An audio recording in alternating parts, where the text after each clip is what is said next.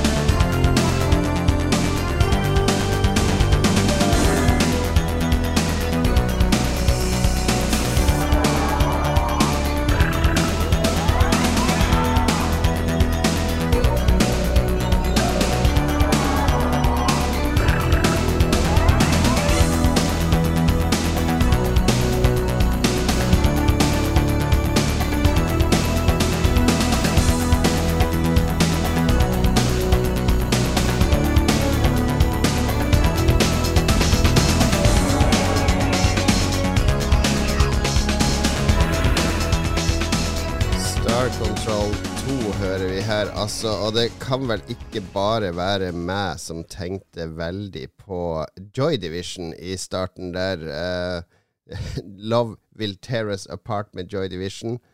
klassisk sang. Jeg regner med de fleste her har hørt den. La oss bare høre det starten på nytt.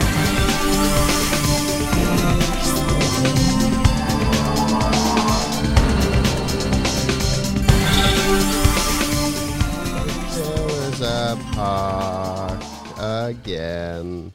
Ok, rip-off eller homasj, eller hva man vil kalle det, det spiller ingen rolle i spillmusikkens verden. Og i hvert fall på, på denne tida så var det meste lov. De som har hørt min Rob Hubbard-episode, vet at Rob Hubbard lånte veldig gjerne fra både popmusikk og syntmusikk og andre komponister.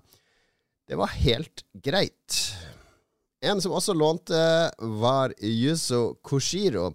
Og han lånte ikke så mye direkte, men han lånte et helt lydbilde, en hel eh, musikkultur, når han komponerte musikk for eh, tre spill som har blitt ikoniske mye pga. soundtrackene sine. I 1992 så kom Streets of Rage 2.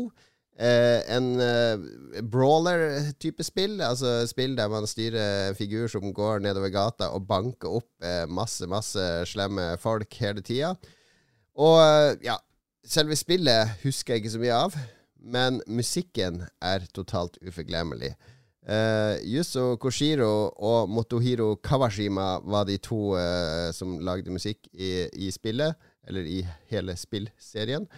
Og han var veldig påvirka av uh, rave-kultur, av uh, moderne synthesizere som Roland sine TB303 og 808 og 909 og og sånne ting, og prøvde sitt beste på å gjenskape disse på ganske primitive lydchipper. Og jeg vil si han lykkes over all forventning. La oss høre en låt, 'Alien Power', fra Streets of Rage 2.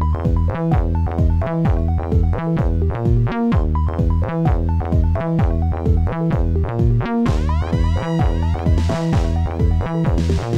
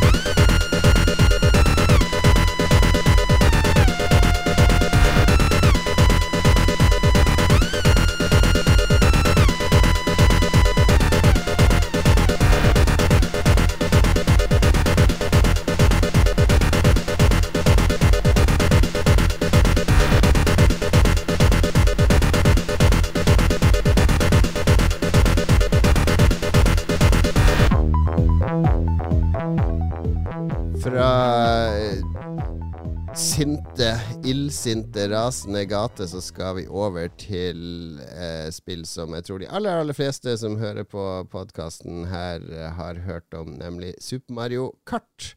Morsomt nok så begynte utviklinga av Super Mario Kart uten Mario.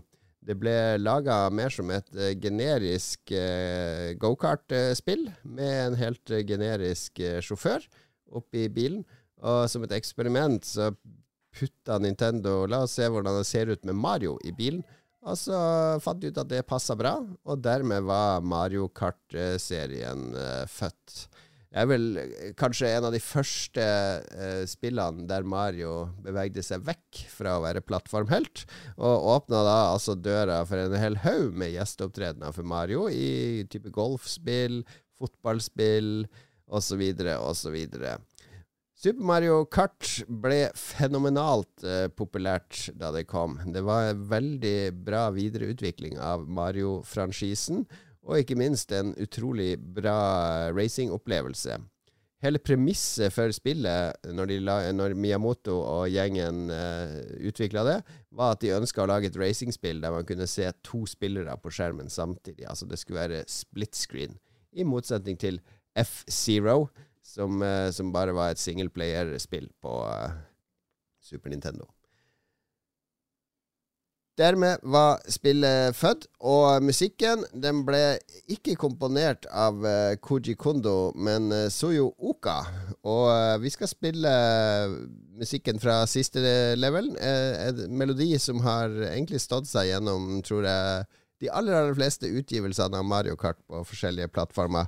Vi snakker selvsagt om Rainbow Road.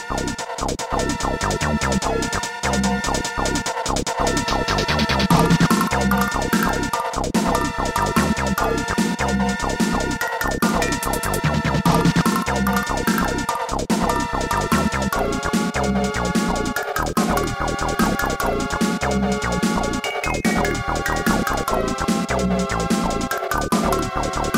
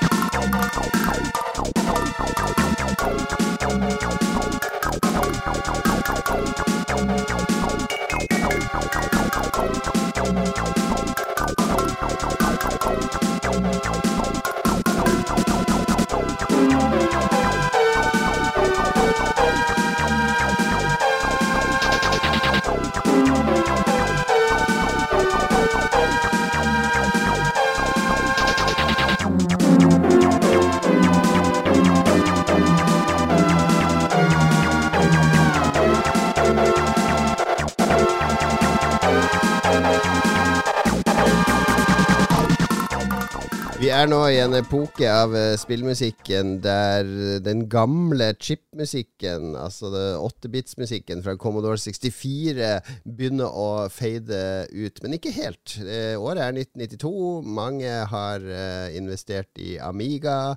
Det er nye lydchipper i disse moderne spillkonsollene som, som, har et rikere lydbilde. Men Commodore 64 putter og går i bakgrunnen fortsatt, og det kommer fortsatt en god del spill på Commodore 64 med veldig, veldig bra musikk. Uh, denne episodens Commodore 64-låt skal komme nå, og den er komponert av Jero Entell. En nederlandsk uh, musiker som uh, var med og starta datamusikkgruppa Maniacs of Noise i sin tid. Han komponerte også musikk til flere Commodore 64-spill på, på, slutten av 80- og starten av 90-tallet. Og et av disse som kom i 1992, var Robocop 3. Eh, et spill basert på filmen med samme navn. De fleste har vel sett Robocop. Noen av oss har også sett Robocop 2. Men med Robocop 3 så var filmserien for alvor på vei ut i grøfta. Eh, det er vel man har vel strengt tatt bedre minner fra Robocop 3-spillet enn uh, filmen. Og da kan kanskje denne tittelmelodien til Jero Entel bringe tilbake noen av disse minnene.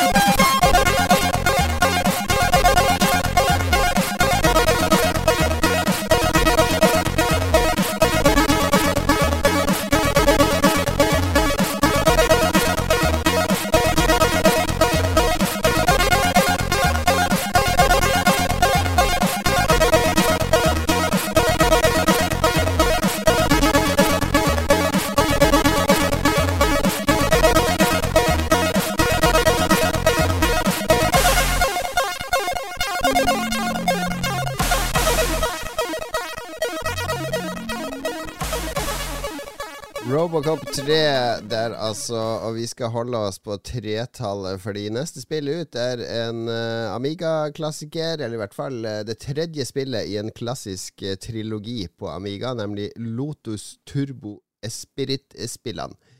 Uh, lyttere som har fulgt med Sidbua, husker vel at vi spilte en låt fra Lotus i en tidligere episode, som blant annet hadde noe sånn artig piratbeskyttelse eh, greie i seg.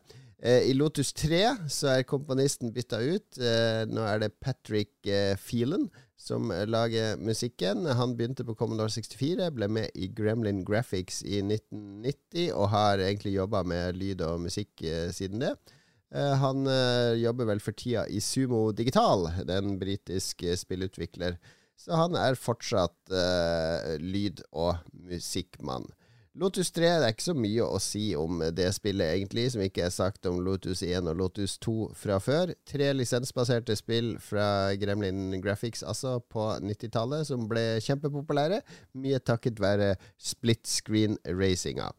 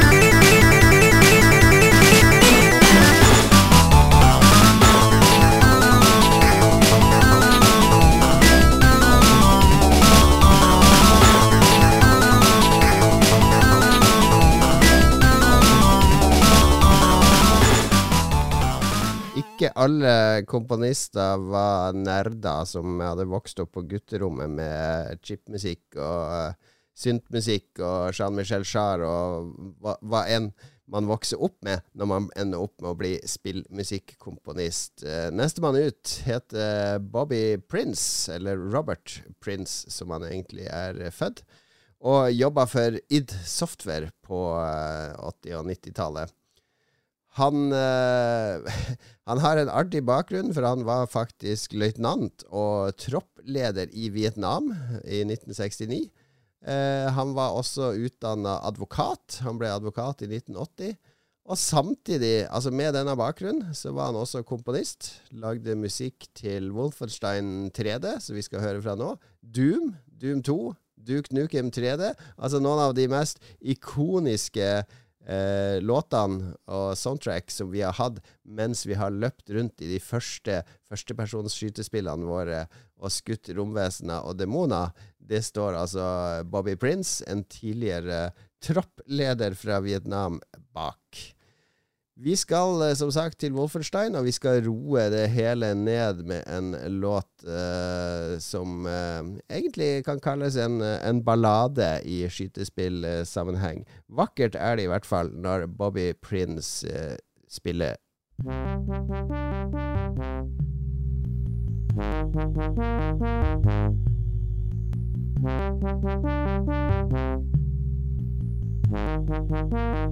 Thank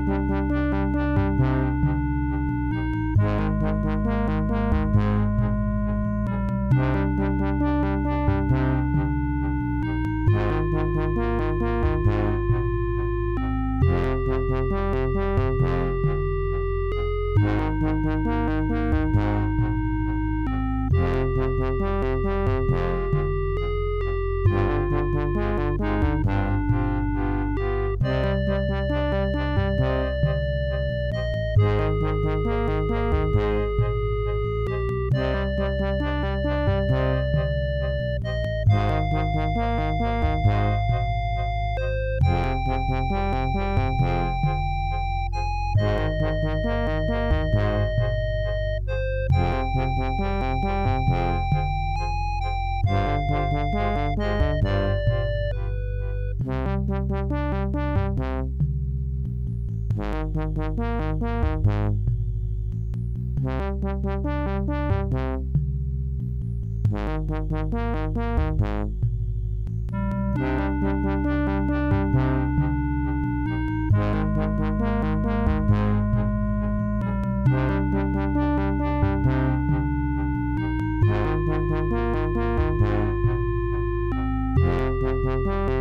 er Thank you.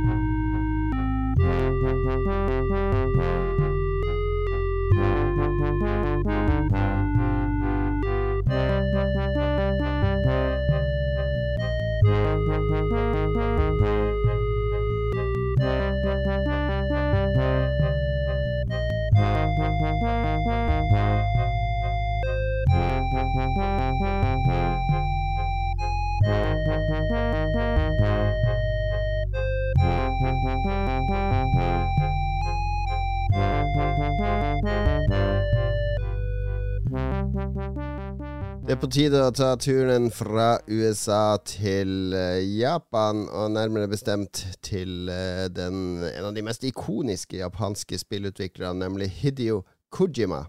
I 1988 så kom han med et spill som het uh, Snatcher. Det ble gitt ut på nytt i 1992, og da for PC Engine-konsollen. Uh, og da med helt nytt uh, soundtrack. Snatcher er et uh, veldig sånn Blade Runner-inspirert uh, eventyrspill fra Kojima. Det har en stor cult following, og det hylles av mange uh, spillskapere og andre kreative folk. lever fortsatt på en måte, selv om det ikke er så lett å spille det på moderne plattformer. En sånn art artig ting som har oppstått i kjølvannet av Snatcher, er at uh, det ble til et hørespill på radio i 2011, der uh, spillutvikleren Goichi Suda uh, samarbeida med Kojima om å, å, lage et hørespill basert på selve spillet. Suda, som er kjent for spill som No More Heroes, f.eks., veldig sære spill lager han. Han eh, hevda at Snatcher og Yu Suzuki sine spill for Sega var grunnen til at han begynte å lage dataspill. Men nok om Suda, og nok om Kojima. Musikken kan egentlig tale for seg sjøl. Vi snakker cyberpunk, vi snakker fremtidsvisjoner, vi snakker nitty-gritty megacorporations og mord og, og mørke. Vår egen samtid, basically, lager Kojima eh, lyd til her.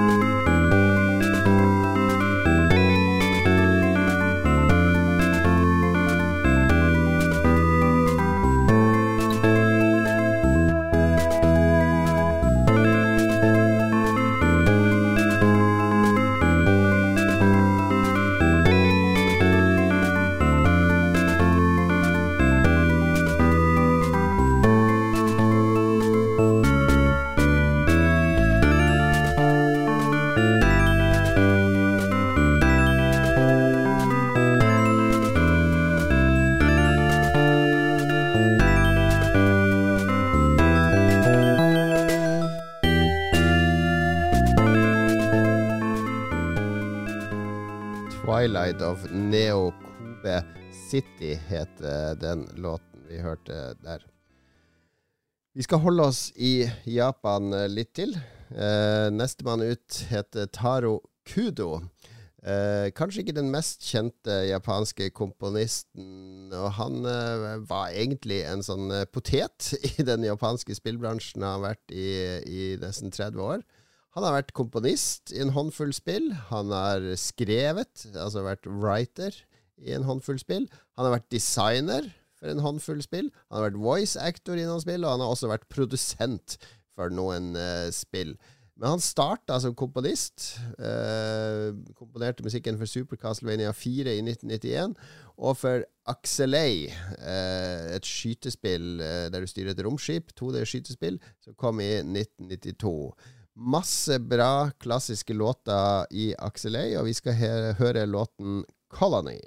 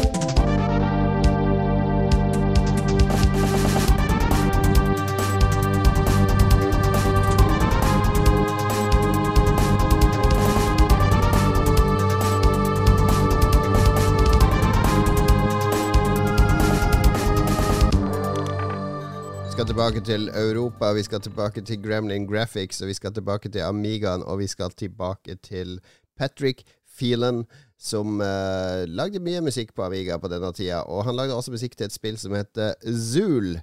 Og Zool var et spill om en ninja, en ninja som kom fra den endte dimensjonen. Uh, og, og vi, vi, er på, vi, er i 92. Uh, Mario er etablert som Nintendo sin store plattformspillmaskot. Sega har eh, nylig etablert Sonic som sin nye store maskot i plattformspill. Vi er i en epoke der alle og enhver lagde plattformspill med sin egen ikoniske helt. På Amigaen så husker vi kanskje James Pond. Men også Zool var et forsøk på å lage en eller annen ikonisk eh, plattformspillmaskot. Det er kanskje ikke så mange som husker Zool-spillet i dag, selv om det fikk god mottakelse på Amiga.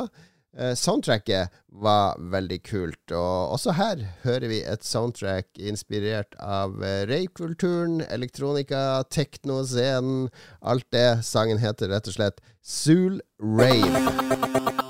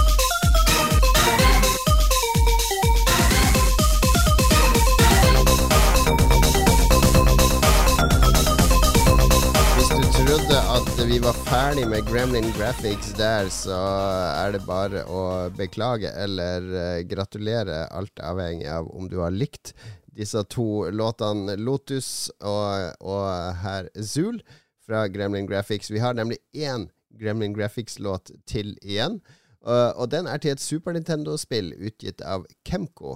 Denne gangen er det Barry Lage som står bak uh, soundtracket. Han komponerte musikken de to første Lotus-spillene. Uh, og så fikk han oppdrag å komponere musikken til spillet Top Gear på Super Nintendo. Det ble et uh, ganske populært racingspill på Super Nintendo. Uh, og har egentlig Det har ingenting med TV-serien å gjøre, fordi dette kom lenge før TV-serien. Det var rett og slett bare et spill som het Top Gear, der du skulle kjøre om kapp i, i split screen over hele verden. Musikken på Super Nintendo ble veldig veldig godt mottatt. Men de av oss som allerede hadde spilt Lotus på Amiga, vi hørte jo her at han Barry han gjenbruker jo rett og slett eh, melodier fra Lotus 1 og 2 som han komponerte musikk til. Det gjør for så vidt ingenting når det høres så bra ut som i Top Gear.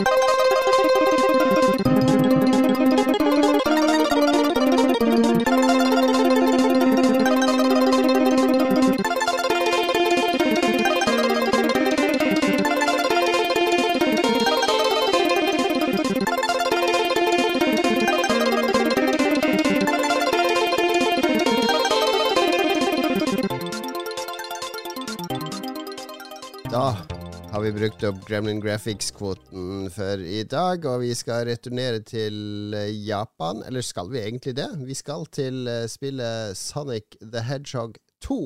Eh, for vi snakka tidligere om disse maskottene, Mario og da Zool, som vi spilte musikk fra tidligere, og Sonic med Sonic the Hedgehog 2 eh, etablerte seg skikkelig som, uh, uh, som uh, Sega sin spillikon. Sega skjønte at de trengte noen som kunne konkurrere med Mario, og der Mario kanskje er litt mer sånn traust og barnslig, så lagde de Sonic som en som skulle appellere til de litt mer tøffe, raske, kjappe, actionfylte sidene i oss. Sonic ble kjempepopulær takket være de superraske plattformspillene. Og Sonic the Hedgehog 2 ble eh, i stor grad utvikla i USA av Sega Technical Institute, som var en avdeling av Sega starta av Mark Cerny. Og Lyder det navnet kjent, eh, tenker du? Ja, fordi Mark Cerny er jo mannen bak arkitekturen til de moderne PlayStation-konsollene. Altså Ken Kutaragi, den japanske hardware-designeren, sto bak PlayStation 1, 2 og 3 og PSP mens Mark Cerny tok over uh, PlayStation 4 og PlayStation 5 og gjorde de mer uh, vennlige for utviklere å lage spill til. Mer uh, tilpassa moderne software-verktøy og, og, lettere å lage kryssplattformspill til, osv., osv. Mark Cerny er jo også kjent for å ha designa den gamle Arkadeklasseren klassikeren Marble Madness. Men nok om Cerny. Vi skal til Sonic the Hedgehog 2.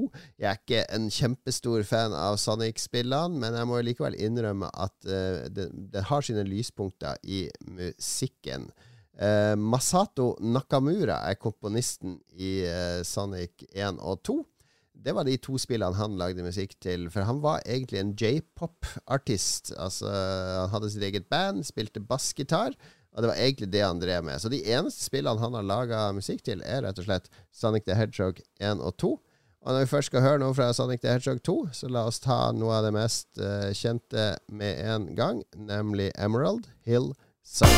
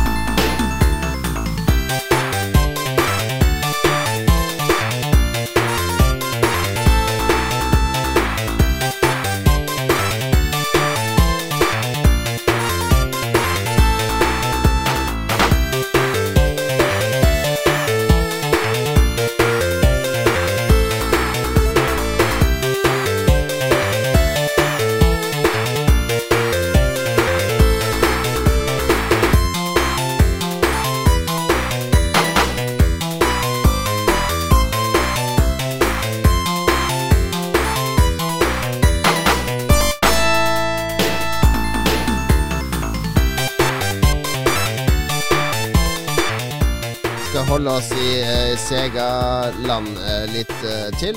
Vi skal til spillet Thunder Force, et spill som er gitt ut av Technosoft. vi skal nærmere bestemt til Thunder Force 4. Det kom nemlig hele seks spill i Thunder Force-serien. Det første i 1983. kuriøst nok så ble dette uh, laga av Hva var det hun het? Kotori Yoshimura. Uh, hun forlot senere selskapet, og så er det andre som har tatt over utviklinga etter det. Men eh, det er en serie der det første spillet kom i 83, og det sjette spillet kom til PlayStation 2 i 2008.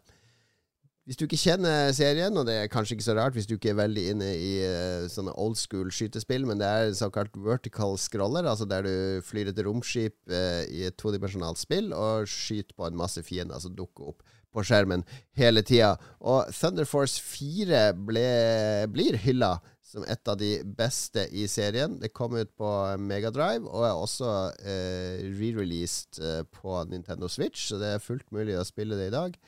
Ble hylla både for grafikken, gameplayet og uh, musikken. Og ja, vi kan jo dømme sjøl. Jeg syns denne låten er helt magisk, rett og slett. Thunder Force 4.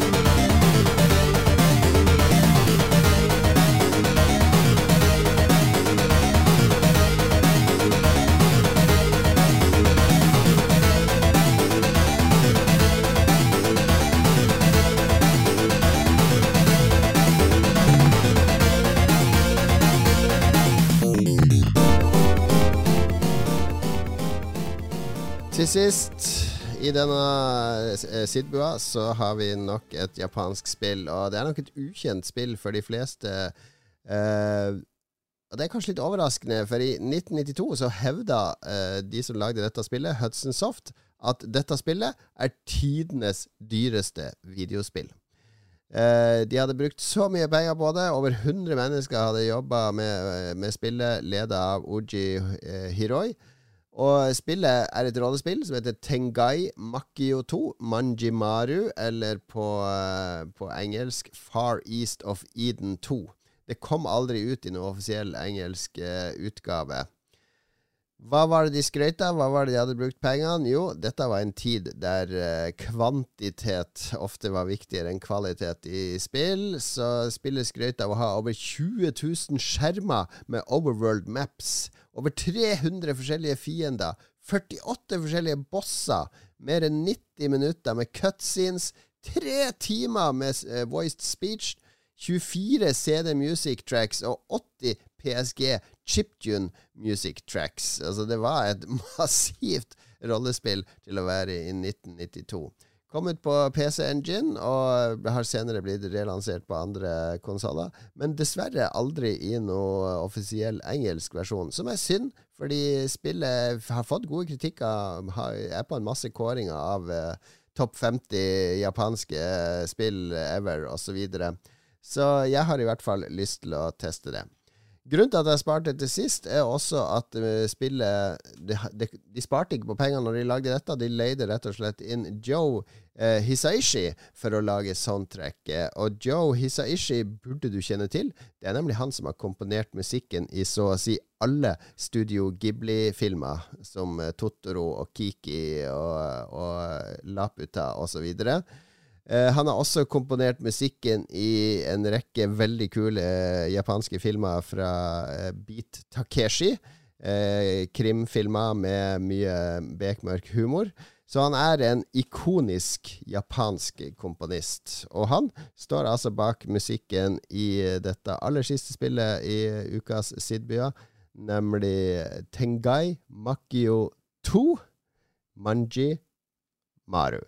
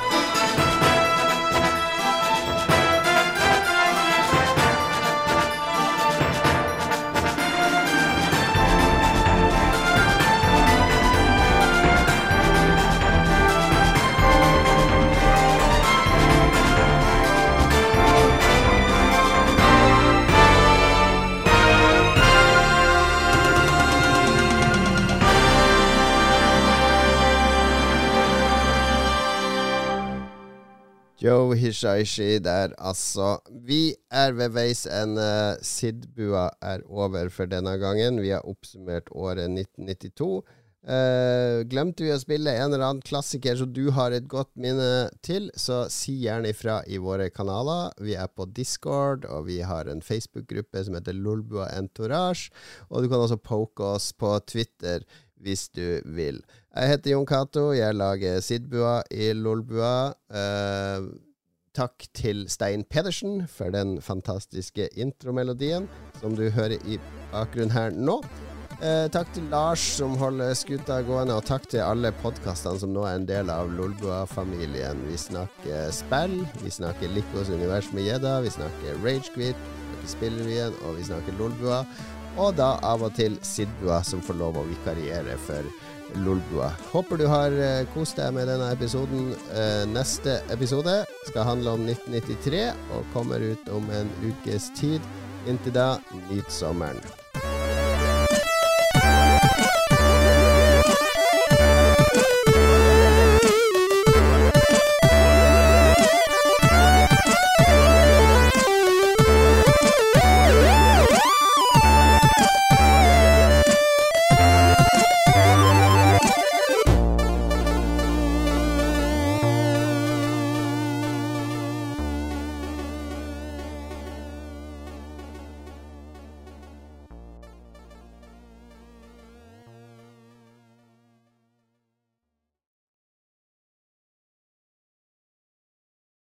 Har du et enkeltpersonforetak eller en liten bedrift? Da er du sikkert lei av å høre meg snakke om hvor enkelt det er med kvitteringer og bilag i fiken, så vi eh, gir oss her, vi. Fordi vi liker enkelt. Fiken superenkelt regnskap.